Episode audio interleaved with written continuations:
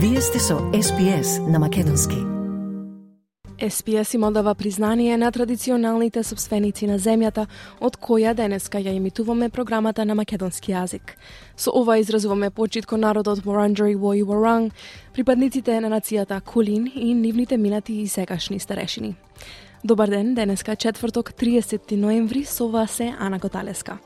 Во наредниве 60 минути ќе се обидеме да го задржиме вашето внимание со голем број содржини, меѓу кои и вестите од земјава и странство. Потоа следува и извештајот од Македонија, во кој меѓу другото ќе слушнеме подетално за тоа што и Интерпол се вклучува во потрагата по исчезнатата 14 годишна Вања Ѓорчевска од Скопје, по која се трага веќе трет ден. Од домашните теми ќе известиме и за историското извинување на австралиската влада за жртвите на талидомид. Лекот што предизвика деформитети кај илијадници деца ширум светот во 50-тите и 60-тите од минатиот век.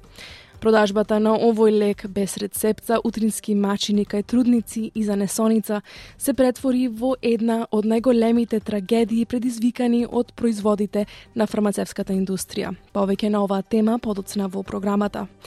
И потоа имаме разговор со поранешниот председател на културно-уметничкото друштво Илинден од Сидне, еден од најголемите амбасадори на македонската култура и фолклор, познат активист во пошироката македонска заедница Кире Пашовски.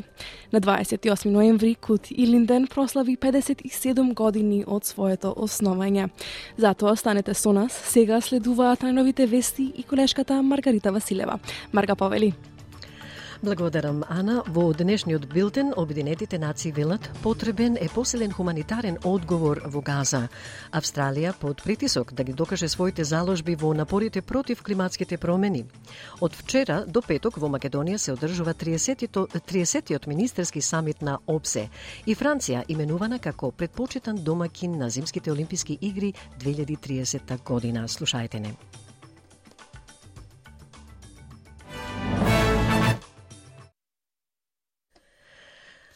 Обединетите нации соопштија дека силно ги поздравуваат тековните разговори за продолжување на сегашниот прекин на огнот во Газа. Но генералниот секретар на Обединетите нации Антонио Гутереш вели дека е потребен вистински хуманитарен прекин на огнот, бидејќи жителите на Газа се во средината на епска хуманитарна катастрофа пред очите на светот. Неговите коментари до Советот за безбедност на ОН беа поддржани од палестинскиот министер за надворешни работи Риад Ал-Малики, кој на состанокот рече дека палестинскиот народ се соочува со екзистенцијална закана и дека им се должи почит на нивното вродено достоинство, но израелскиот амбасадор во Обединетите нации Гилад Ердан вели дека не е толку едноставно. Colleagues, humanitarian aid is very, very important. But more food, water, and medical supplies will not bring us closer to a solution. Hamas doesn't care about the people in Gaza. All they are interested in is implementing Hitler's final solution. And nothing can change a genocidal ideology. It must be uprooted and eradicated. Австралија е под притисок да покаже дека прави се што може за да ги намали емисиите на стакленички гасови. Светските лидери се состануваат во Дубај на големи разговори за климата. Последниот извештај на Обединетите нации за емисиите предупредува дека светот се движи кон затоплување од 2,5 до 2,9 степени Целзиусови, далеку над целта на Парискиот климатски пакт од 1,5 до 2 степени, зашто се надеваше дека ќе го заштити човештвото од најлошите последици од климатските промени. Австралија се надева дека ќе биде ко-домакин на конференцијата на Обединетите нации за климатски промени во 2026 година, но најверојатно ќе се соочи со лупа со оглед на тоа што продолжува да одобрува проекти за фосилни горива и да придонесува за емисиите надвор од незините граници. Министерот за климатски промени Крис Боуен предходно изјави дека на Австралија и предстои голема задача поради занемарувањето на животната средина од страна на поранешната коалициска влада. Australia on climate policy is like the kid that forgot about the exam uh, and has to has to really come home strongly in the in the final period. We want to get to 43% and indeed we've always said we see that as a floor to our ambitions, but it's ambitious. Властите во Германија уапсија 15 годишно момче за наводно планирање терористички напад на Божикен пазар. Обвинителите во Дизелдорф соопштија дека тинејџерот е приведен по, потрес, по претресот во неговиот дом. Министерот за внатрешни работи на покраината Северна Рајна, Вестфалија, Херберт Реол вели дека момчето наводно пишувало во група за разговор за плановите за напад. Тој вели дека групата е осомничена дека се согласила на конкретен план за напад на Божикниот пазар по дискусија за различни сценарија.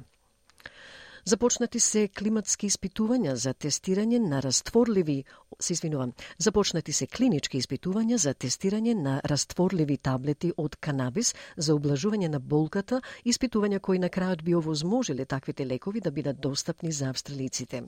Promethean Biopharma моментално ја тестира ефикасноста и безбедноста на своите нови таблети на медицински канабис за благ, за блага до умерена болка.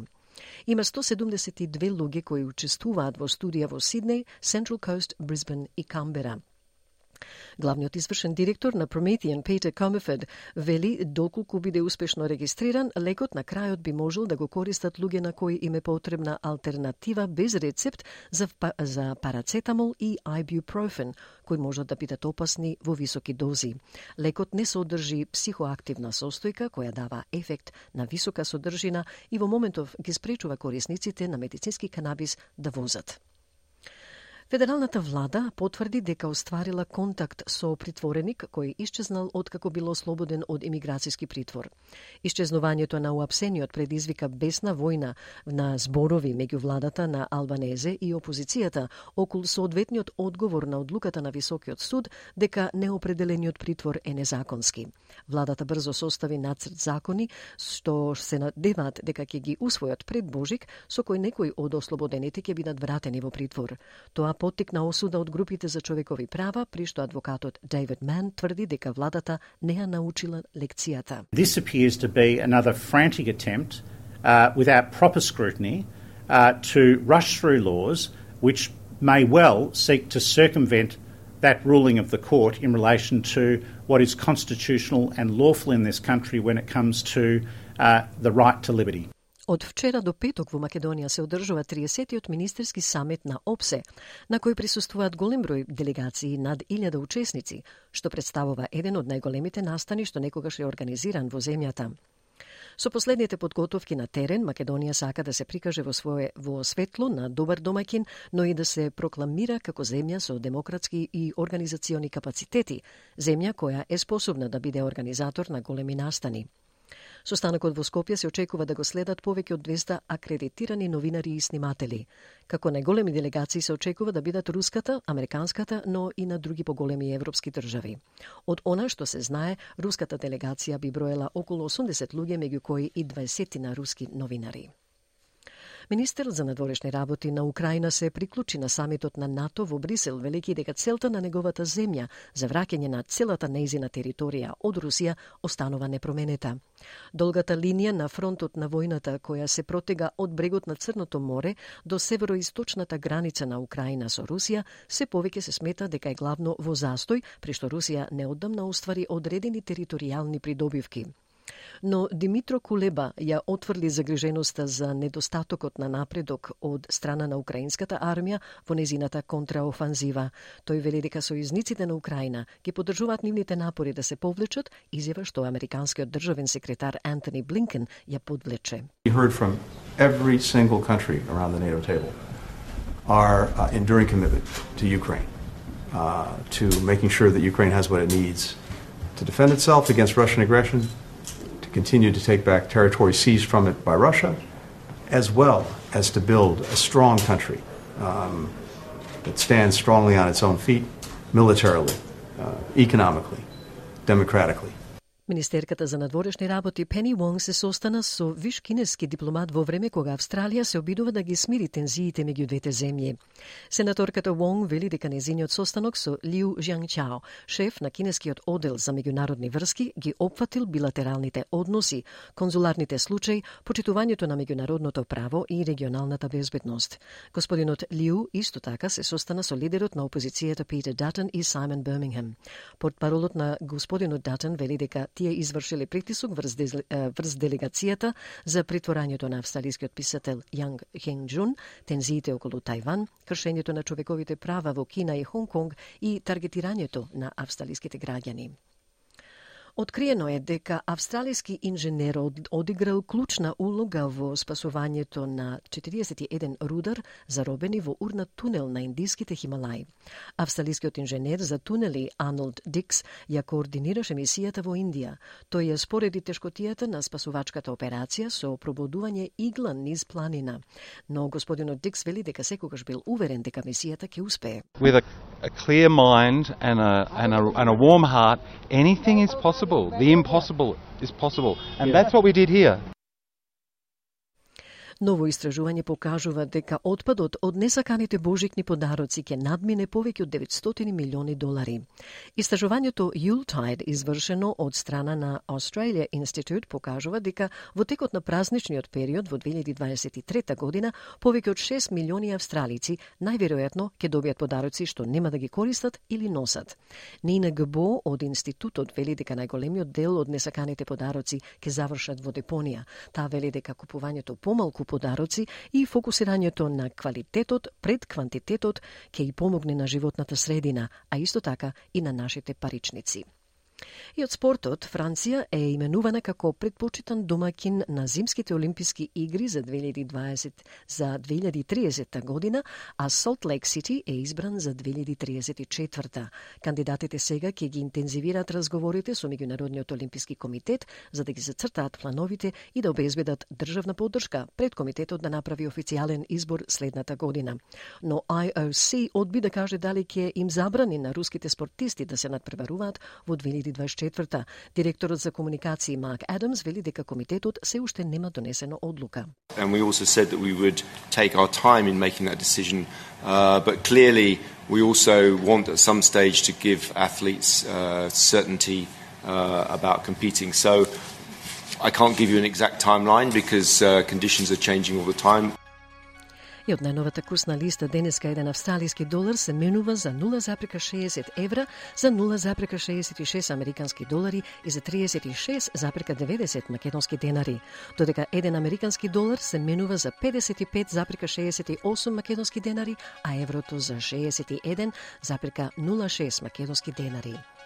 И времето за утре за Перт сончево и 33 степени, Аделајд делумно облачно 24, за Мелбурн врнежливо 19, Хобарт повремен дожд 19, за Камбера повремени врнежи и 24. Во Сиднеј можни услови за дожд 27, Бризбен повремен дожд 31, Дарвин повремени врнежи со можна бура 34 и во Алис Спринг сончево 33.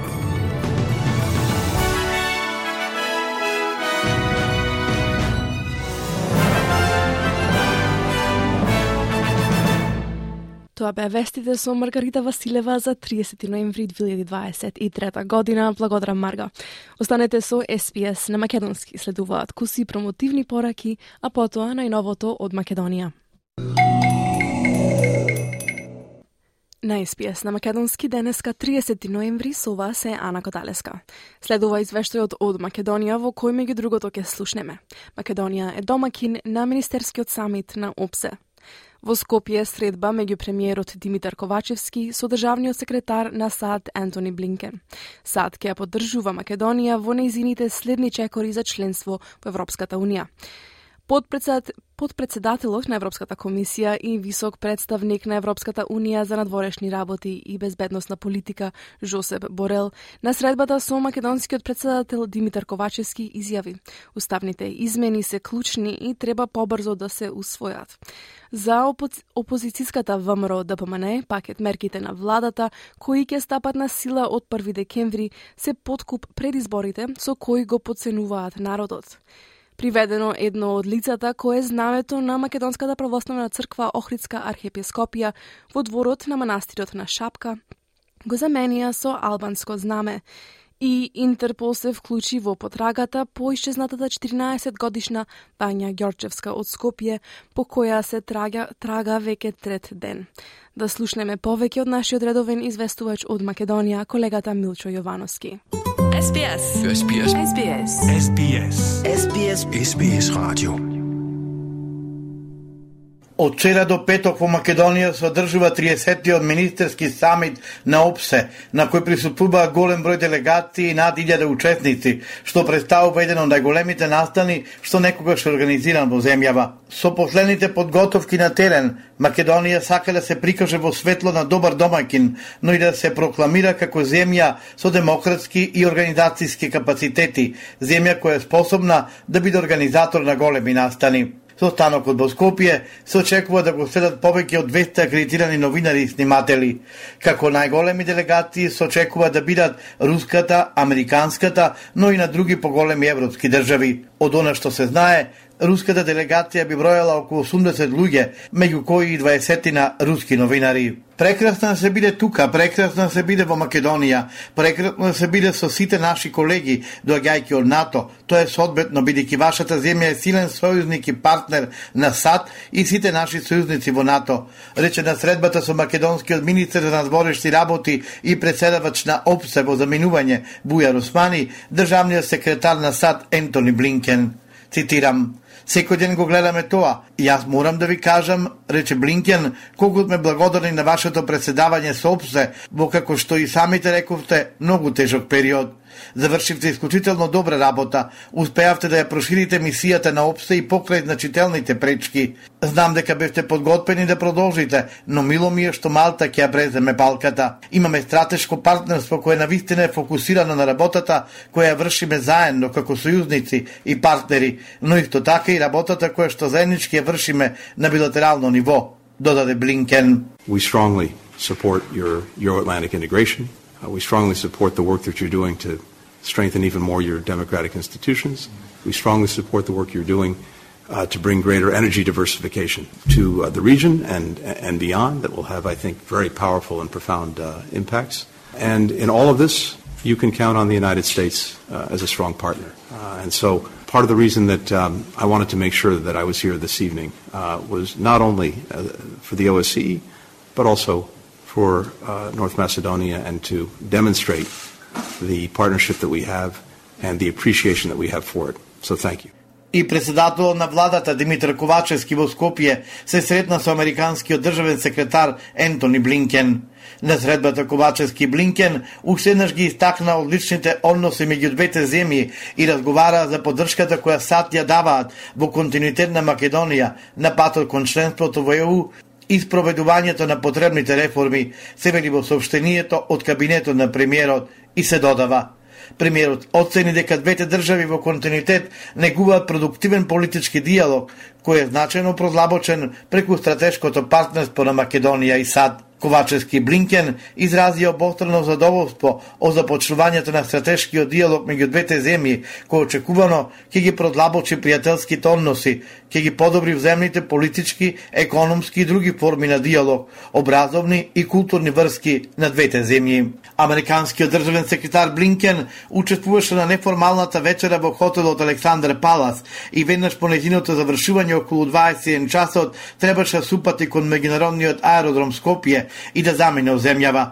А шефот на руската дипломатија Сергеј Лавров пак според најавите нема да слета во Скопје пред 22:30 часот, а некои медиуми спекулираа дека треба да пристигне дури денес, што значи дека ќе се размине со Блинкен, јави порталот 360. До заклучувањето на овој извештај, Сергеј Лавров не беше пристигнат во Скопје. Премиерот Димитар Ковачевски го пречека под председател на Европската комисија и висок представник на Европската унија за надворешни работи и безбедностна политика Жозеп Борел, на билатералката покрај премиерот Ковачевски и подпредседател на Европската комисија Борел присутствува и заменик председател за европски прашања Бојан Маричич, како и амбасадорот на Европската унија во Скопје Девид Гир. На средбата се разговараше за актуелности поврзани со европските аспирации на Македонија, за реформскиот напредок во клучните области и за политичките состојби во земјава. Високиот представник на Европската Унија, Борел, го поздрави успешното преседавање на Македонија со ОПСЕ. Соговорниците разменија ставови дека преседавањето сериозно придонесе кон зајакнато позиционирање на земјава во меѓународни рамки како конструктивен актер за стабилност и соработка. Борел се заблагодари што Македонија е целосно согласена со надворешната и безбедносната политика на ЕУ. Двајцата соговорници разменија мислења за текот на пристапниот процес на нашата држава, како и за скрининг процесот, чиј извештај ќе биде поттик за интензивен ангажман со цел да се забрза реформскиот процес за пристапување на Македонија во ЕУ. Билатералниот скрининг е важен дел од процесот и потврда дека земјата се движи во вистинска насока, истакна на средбата премиерот Ковачевски. Ние двајца јасно се согласуваме дека нашата европска интеграција мора да продолжи. Тоа е процес кој е почнат и нема да застане се до полноправното членство на Северна Македонија во Европската Унија. Затоа што нашите граѓани заслужуваат подобра, побогата иднина, подобар животен стандард, заслужуваат идните генерации да живеат во земја членка на Европската Унија, но тоа наместо да биде во некоја друга земја, да биде тука, дома во Северна Македонија. И нашите граѓани не заслужуваат повторна изолација како што гледавме 11 години. Подпредседател на Европската комисија Жозеп Борел на прес истакна дека уставните измени се клучни за напредокот на Македонија во ЕУ и апелираше дека истите што побрзо треба да се усвојат. Председател на владата Ковачевски на прес истакна дека политиките на владата се на линија на европската агенда и земјата има политички капацитети кои што може да придонесат по успешно завршениот скрининг процес со динамично темпо. Македонија да влезе во преговарачкиот процес и до 2030 земјата да стане членка на ЕУ. Пакет мерките што ги спрема владата на Ковачевски и Ахмети не е ништо друго туку пакет за ефтин предизборен подкуп кој доаѓа на само неколку месеци пред војните парламентарни и председателски избори, оцени Ивица Томовски, член на Централниот комитет на ВМРО ДПМН на прес. Овој пакет на мерки не е за системска помош на најранливите категории граѓани, туку за очигледен ефтин подкуп на гласови. Со овој пакет на мерки не се носат системски мерки кои значително ќе подобрат положбата на пензионерите, социјално загрозените и семејствата со ниски примања. Туку се врши еднократен подкуп на гласови со пари кои оваа влада задолж... ги задолжува сите граѓани. Го зголемија долгот за подкупуваат гласови. Премиерот Димитар Ковачевски од заедничката пресконференција со шефот на европската дипломатија Борел најави дека во понеделник 4 декември е закажана лидерска средба на која се очекува да се прецизира датумот на одржување на председателските и парламентарните избори до година. Покана за лидерската, како што рече премиерот, ќе биде испратена до председателите на сите парламентарни политички партии и до собранискиот спикер Тала Джафери. Приведено е едно лицето кое знамето на МПЦО во дворот на манастирот Светинао Мохридски на Шапка го замени со знаме на Албанија, пренесе сител. Полицијата се уште трага по другиот сторител. Двете лица кои носат облека со обележја на навивачката група балисти завчера од Јарболот во дворот на манастирот го странија знамето на Македонската православна црква, а на негово место го поставија знамето на Албанија. Јавното обвинителство се уште чека пријавата од МВР, но според информациите на Сител, двете лица ќе одговараат кривично по членот 319, односно за разгорување на расна или верска омраза, раздор или нетрпеливост, зашто е предвидена казна затвор од една до 5 години. Сред ден се трага по 14 годишната Вања Ѓорчевска од Скопје, а за таа цел е формиран и специјален штаб кој работи деноноќно на пронаоѓање на девојчето. Ѓорчевска исчезна во понеделник од утрината, откако го напуштила незиниот дом и требало да супати кон незиното училиште Јохан Хайнрих Песталоци во центарот на Скопје. Он МВР за Телма изјавија дека продолжува интензивната потрага и дека е формиран специјален штаб кој работи денонокно на пронаоѓање на девојчето. Тимот е предводен од началникот на СВР Скопје. Вчера по планнето и Интерпол се вклучи во потрагата по Вања Ѓорчевска. Во последните три години во Македонија исчезнале повеќе од 70 малолетници, но најголем број од нив се пронајдени. На сајтот на МВР се уште се активни потрагите по 6 деца. На СПС на Македонски јас сум Ана Коталеска. Премиерот Антони Албанезе во парламентот им се извини на жртвите од талидомет. Лекот талидомет беше достапен само неколку години, но доведе до смртни случаи и вродени дефекти кај илјадници бебиња ширум светот во 1950-тите и 1960-тите години. Албанезе ја нарече трагедијата едно од најтемните поглавија во медицинската историја на Австралија. Да слушаме повеќе во прилогот на Сам Довер и Лиз Maddock за SBS News.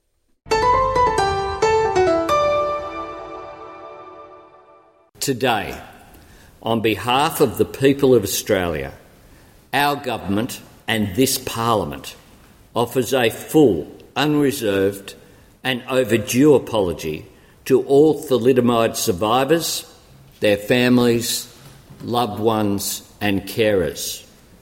This apology takes in one of the darkest chapters in Australia's medical history. To the survivors, we apologise for the pain thalidomide has inflicted on each and every one of you each and every day. We are sorry. Тоа беше премиерот Антони Албанезе во извинение упатено до жртвите на лекот талидомид. За многумина од преживеаните, чии животи беа уништени од лекот, тоа извинение доаѓа предоцна. Лекот кој предизвикува деформитети го користеа голем број жени кон крајот на 1950-тите и раните 60-ти од минатиот век, како третман за гадење за трудници. Познато е дека 146 преживеани живеат во Австралија, но точниот број жртви се уште е непознат. Парламентарната истрага предводена од Зелените во 2019 година за трагедијата со талидомид покажа дека, доколку владата постапила итно, кога лекот првпат бил поврзан со вродени аномалии, 20 од 100 од преживеаните може би немало да бидат погодени Наместо тоа, во ноември 1961 година, кога било откриено дека лекот е поврзан со деформитети кај децата, владата не презела никакви мерки за забрана за увоз или продажба на лекот. Господин Албанезе вели дека тоа е голем срам за Австралија и извинението не ја оправдува или брише катастрофата. We also acknowledge the inescapable historical facts – the fact that even after the grave dangers of this drug were known, importing thalidomide was not prohibited. Selling it was not banned. Products and samples in surgeries and shops were not comprehensively recalled or entirely destroyed. Saying sorry does not excuse this or erase it. Талидомидот се користеше во Австралија и во 45 други земји низ светот. Само една таблета може да го оштети секое ткиво или орган во телото, а најчестиот несакан ефект е недостатокот на или недоволно развиени екстремитети. 40 од 100 од засегнатите доенчиња починале во рок од една година.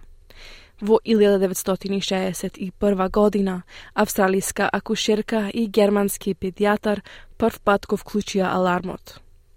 По околу пет години, откако производот беше достапен и откако беа погодени 10.000 бебиња, производителот Groenthal го повлече лекот, што доведе до строги предупредувања од светски лидери, вклучително и тогашниот председател на САД Џон Ф. Кенеди. Тој ги предупреди жените во земјата да не го користат лекот. Every uh, woman uh, uh, in this country, I think, uh, must be aware that it's most important that they check their medicine cabinet and that they uh, do not uh, that they do not take this drug. Портпаролот на Зелените за здравје и попреченост, сенаторот Джордан Стил Џон, изјави за SPS News дека извинувањето од австралиската влада е историски момент, но за жал доаѓа предоцна за многу родители на погодените. This apology is needed. It is historic.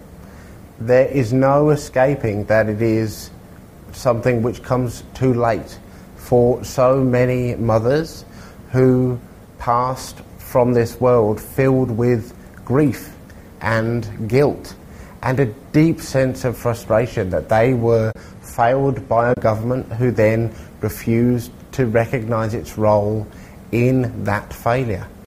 Су Джером е преживеана од лекот. Таа е она што во заедницата е познато како цитат Талидомидер.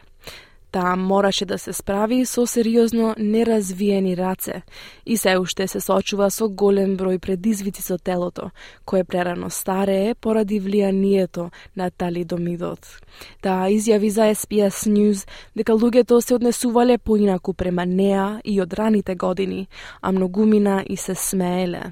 When I was born, I was taken away, and all mum heard the nurse saying, oh my God. I had a lot of people laughing at me because um, I loved my arms, you know. I thought, this is me. I like my little arms, you know. And then when I'm in public, I could feel this, the looks and the smiles and the smirks.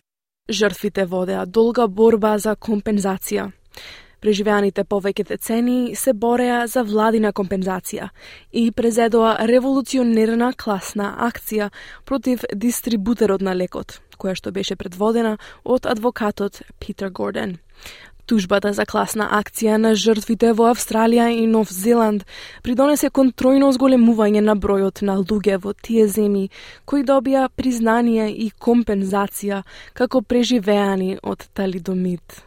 Су вели дека е срекна да слушне извинување од владата по сите овие години, но би било убаво тоа да го слушнеше додека незината мајка и татко биле живи.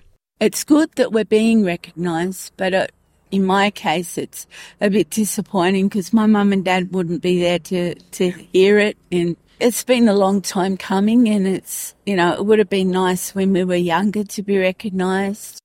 Сојузната влада ќе открие споменик во Канбера во чест на жртвите на лекот. Министерот за здравство Марк Батлер вели дека владата исто така повторно ја отвора програмата за поддршка на преживеаните, за да се осигура дека секој што ја пропуштил предходната можност да аплицира, ќе има пристап до поддршка. Сепак, сенаторот Стил Џон вели дека владата треба да нуди поддршка која е во чекор со притисоците од трошоците за живот. An apology is only as good as the actions that follow it. That is why we are calling today on the government to index support payments so that they keep up with the rising cost of living and that there must be a pathway for survivors to get justice. That is why we are calling on the government uh, to enable and reopen the pathway for accessibility assessment uh, for support programs in Australia. Тоа беше сенаторот Стил Џон во прилогот на Сам Довер и Лиз Мадок за SBS News. А сега да се осврнеме на уште една актуелна тема. Експериментален метод со подводни вежби има за цел да им помогне на луѓето кои се опоравуваат од повреди на мозокот и рбетот. Иако првите испитувања даваат корисни резултати за пациентите и за лекарите, се уште е неизвестно дали овој метод е на вистина ефикасен и целосно безбеден.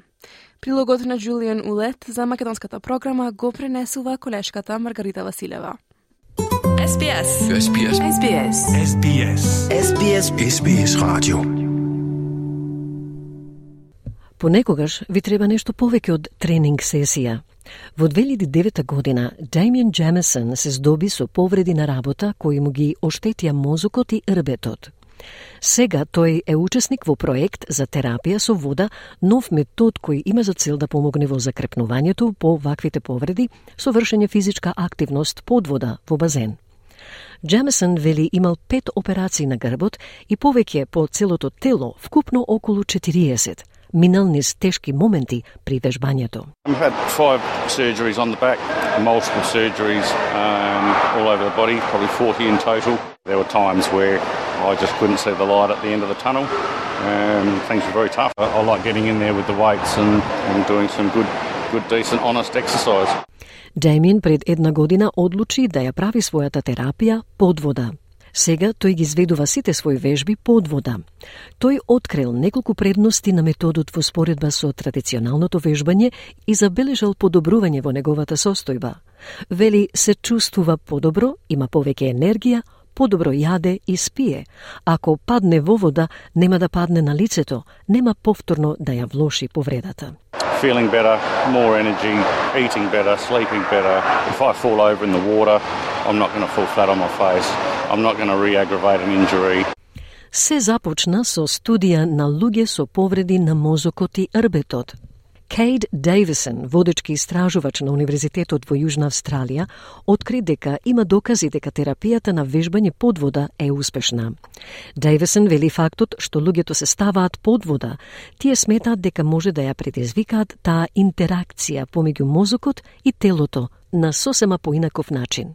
By getting them underwater, we think we can challenge that interaction between the brain and the body completely differently. Но терапијата со вежбање подвода за повреди на мозокот и рбетот е се уште нова, а луѓе како Дамиен се дел од експерименталниот пристап. Други ја предизвикуваат неговата корисност, па дури и укажуваат на потенцијална опасност за пациентите, бидејќи да се биде подвода носи своји ризици. Лели Кошен од Австралиското здружение за физиотерапија е една од критичарите. Таа вели подводната терапија е корисна за многу од клиентите, но не мора да се прават вежбите со главата под вода. The immersion is useful and helpful for many of these clients, but not necessarily with their head underwater. Determined 2 е снабдувач на терапија со вежби под вода во Аделаид, каде што Демиен прави собствен тренинг. Тие велат дека учесниците мора да ги исполнуваат условите пред да им биде дозволено да учествуваат на сесиите. Посочуваат и дека се одржани над 10.000 седници без никаков инцидент. Техниката на терапија, велат тие, сега се шири на други локации во Австралија и Нов Зеланд. Но дури и пред да се најдат резултатите од студијата, Демјан има само пофалби за истата. Тој вели ако ја имал порано оваа опција, ке му беше подобро денес. If I had an option like immersion therapy available to me earlier on in my rehabilitation phase, I would have been better off today. Резултатите од студијата се очекуваат за 2 до 3 години. SBS. SBS. SBS. SBS. SBS. SBS. SBS Radio. Тоа беше прилогот на Джулијан Улет, што го подготви колешката Маргарита Василева. Почитувани, останете со нас. По куси промотивни пораки следува разговорот со Кире Пашовски. Ја следите програмата на SPS на Македонски. Културно-уметничкото друштво Илинден од Сиднеј, еден од најголемите амбасадори на македонската култура и фолклор надвор од границите на Македонија, овој месец, поточно на 26 ноември, прослави 57 години од своето основање. Друштвото го докажа овој епитет со големиот број настапи низ годините ширум Австралија. Особено со големата прослава на 26 ноември во 2016 кога пред околу 2000 публика гордо се представи во State Theatre во срцето на Сиднеј со над 300 играорци од сите возрасти. Дури и предходни генерации играорци се вратија во друштвото таа година, некои и по 20 на години за да се сретнат повторно и да ги извежбаат ората за тој специјален настан. 50 години постоење, половина век негување и промовирање на македонската култура за следните генерации. Пред тој настан разговаравме со кореографи и играорци, како и со голем број лица кои биле сесрдно вовлечени во работата на ова извонредно друштво. Еден од нив и поранешниот председател на друштвото, познат активист во пошироката македонска заедница Кире Пашовски, кој не подсети на почетоците и постигнувањата на Кут Илинден во неговото време. Разговорот со господин Пашовски го продолжува колешката Радица Бојковска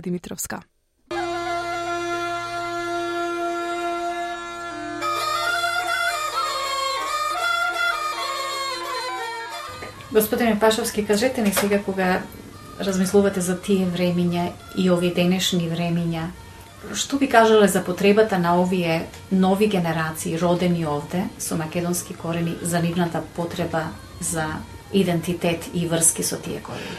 Види, Радица, јас како млад голем активист со голема желба за македонската нација и идентитет, јас се вклопи покрај фолклорот Илинден, црковната општина, член од првото основање на просветно-школскиот одбор на ова Македонско добротворно друштво или овај МАВА, Migratory Soul центаро, работничката партија, после се добив со Justice of Peace, и јас одев на секаде и работев и го бранев тоа. Оти многу пати кога дојде баш сеќам која година беше дојде Ивар Кантарджиев и Васил Тупурковски школскиот одбор му се додели најголемата награда, Климентова награда на школскиот одбор за неговите заслуги. Во кои години бевте председател на друштвото? Вие бевте два пати, така? Да, јас бев во друштвото од 77 па со неколку така ќе дојде некоја група, така еден дојде многу пати во друштвото играше, го заеде друштвото, си регистрира Кочо Рацин друштво, направи една игранка, а другите што беа по младите групи, сите ги распуштија. Друштвото едноставно го растурија. Видеа децата чупињата што беа во првата група, кој ме видеа, ќе плачеа. Чич, вели, направивме голема грешка и послушавме ни, ние срам да се вратиме сега. А тогаш баш ние требаше да во Опера Хаус да бидеме и беше 25 годишниот јубилеј, сребрен јубилеј има припремено сето плаке, оние трофеи, сребрени, едно друго, плюс деца кои беа чупиња по 10 години без застој, сите ги назначува до животни членови. Значи, друштвото по што работи, стваравме кадар, позади нив, нивмат, значи, оние што поминале, секоја ве и сега тоа истото гледам. Тања овде, кај што јас бе председател, та беше и еве сега таа да работи на, на информации на некои други работи. Тоа ми е мене најголема желба што мојот труд се покажа како корисен. Младите, еве сега овие што се председателот, ќе прат најголемата прослава златен јубилеј и тие ги имаат многу големо поштовање према мене. И затоа сега ги прати овие припреми, така да да се види мојот труд.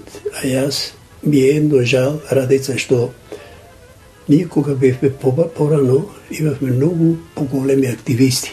Работевме многу на, на образование, на проширување на македонската нација, да имаме, јас му викав стално, јас сум 35 години член на работничката партија. И стално му викам. Не морат сите да бидат во работничката партија, нека бидат во Либера, нека бидат во другите партии, така ќе имаме поиќе сила кој ќе дојде да се решава за проблем на Македонија, ќе имаме луѓе. Добро, да се вратиме пак на ова 50 годишна прослава на Култ Илинден. Како би го опишале тоа значење? Што за вас се значи? Види, Радица, тоа е едно многу важно нешто што да се напиши историја на друштвото што поминало. Илинден не само што е фолклорно друштво, Илинден е амбасадор, е представува македонската култура, се што е македонско, Илинден е тој што го представува. Илинден е тој што ги организира младите да се соработуваат, да организираат овие денови на македонската култура, дефилења за бранење на македонското име. Кога јас бе председател прва групата што беше, беше мојата ќерка кога заминавме во Македонија, таа беше прва година на факултет за архитектура. Сите новинари што идеа таму, идеа кај неа, неа прашува како си, како ти се свијат Македонија. Вели јас малат бев кога заминав од Македонија, сега во Австралија вели имаме пар имаме све, но немаме љубов. И дека вели не можеме лепи вода да се си да се напиеме и вели како ќе биде понатака вели од каде ќе се мажиш. Јас се земам момче македонче вели. И така во сите пиша имам и тука и копија од сето тоа. И дојде та тука, го заврши архитектонскиот факултет, дипломира. После тоа Јован Кокаловски, тој беше новинар, тој пишеше во Маквари универзитету, дојде сними во сите вестници, напиша почнаа честитки од фамилии непознати што не ги знаев. Тире, браво, Солјалав, да вие вашето чупе даде пример како дрва нашите деца и чупиња да проложат, вели да, да, ги, да ги запознаеме со нив вели да тргнат по патот на изин. Молиме, тоа е сетар нивно, не можеме ние на никој да му наредиме. И ти веле ве сега многу пати јас бев и во катедрата за македонски студии. Дојдоја 16 професори од разни држави и ги имам сите на, на слики, ги имам. Сите дојдоа тука што го предава македонски јазик во другите држави. Во Маквари универзитетот, таму беше Дебреј, еден од легендите, професори на катедрите таму, сите што беа Драги Донев, ректор на Кирил и Методи универзитетот, па Роди што ти велам, сетне ден беше тој е сега голем поборник за македонското име во Америка, ет, сите ги имам тука на сликите после овие судски процеси што се случија со црквата, народот се разочара многу, ги изгубија луѓето вака мислење, вика ние градевме толку време, сето го градевме, го правевме, сега за неколку години сето го изгубивме, сега треба да почнеме одново. Луѓето веќе го изгубија она меѓусебно, не, веќе не верува еден со други. Брат со брат се поделија, не сака да се видат. Значи, тоа е катастрофа. Плюс тоа, од младиве, порано беше Македонски совет, сега немаме ни совет, немаме ни комуна, немаме ништо. Баш на пати се размислувам, си велам, што е ова катастрофа? Не сме поќе активни да, да се покажеме пред јавност. Кога правевме демонстрации во, во Камбера, јас ги имам снимено све, 15.000 души, со знамења сите, полиција, сето тоа, пред парламентот во, во Австралија. Други тука демонстрации низ градот, сите ги имам снимено. Бевме сила, сега не сме ништо. Сега не можеме да собериме ни илјада души. Тоа е тоа на наша катастрофа што се случува сега во моментот меѓу нас. Ова што сега, например, се пишува книгата, тоа е за мене гордост, таа книга докажи на многу луѓе како треба да се работи и со каков труд и пот се направи сето тоа да се напиши таа книга.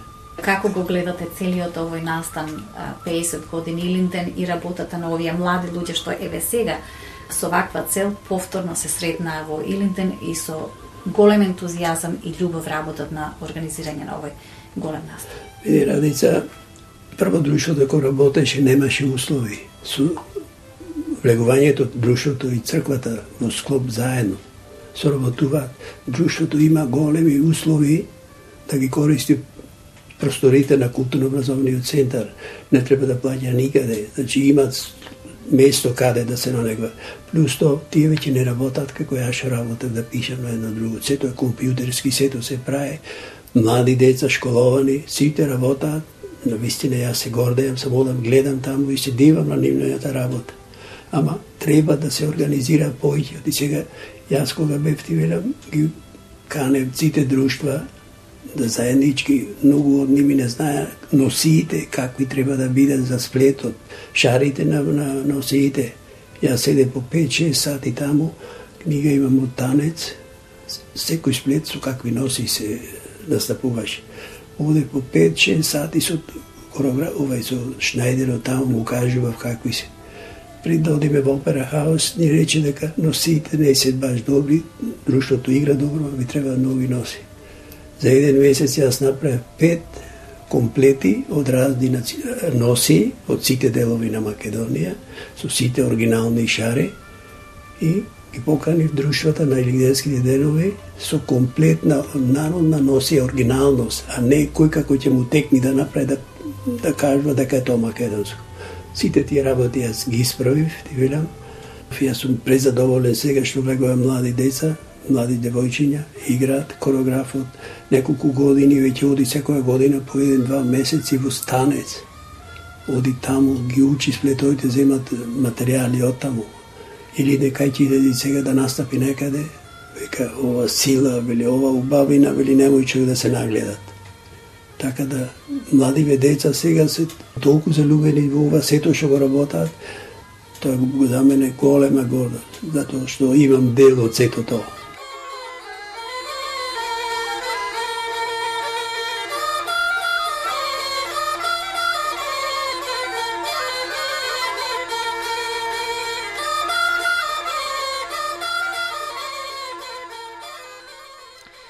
Тоа беше Кире Пашовски, поранешен председател на културно-уметничкото друштво Илинден од Сиднеј, во разговор што го подготви Радица Војковска Димитровска. А со тоа, почитувани, се приближуваме кон крај на денешново издание на СПС на Македонски, па да подсетиме на некои од главните настани на денот.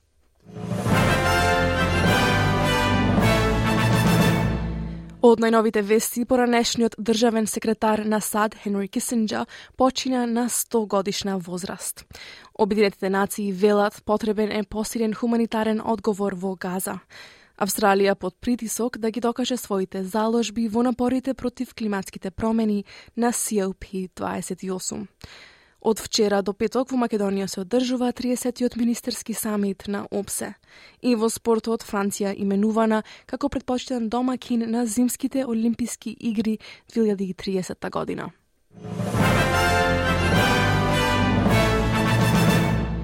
И тоа е се за денеска, почитувани. Благодарам што бевте со нас во изминатиот час. Ве очекуваме и утре, топ, точно напладне. А во меѓувреме за избор прилози разговори, посетете не на sps.com.au коса цртичка Macedonian и на нашата Facebook страница SPS Macedonian, каде можете да оставите ваш коментар доколку сакате под голем број прилози и други содржини. Од Ана Коталеска, пријатно попладне и до слушање. Стиснете, ми се допаѓа, споделете, коментирајте. Следете ја SPS на Македонски на Facebook.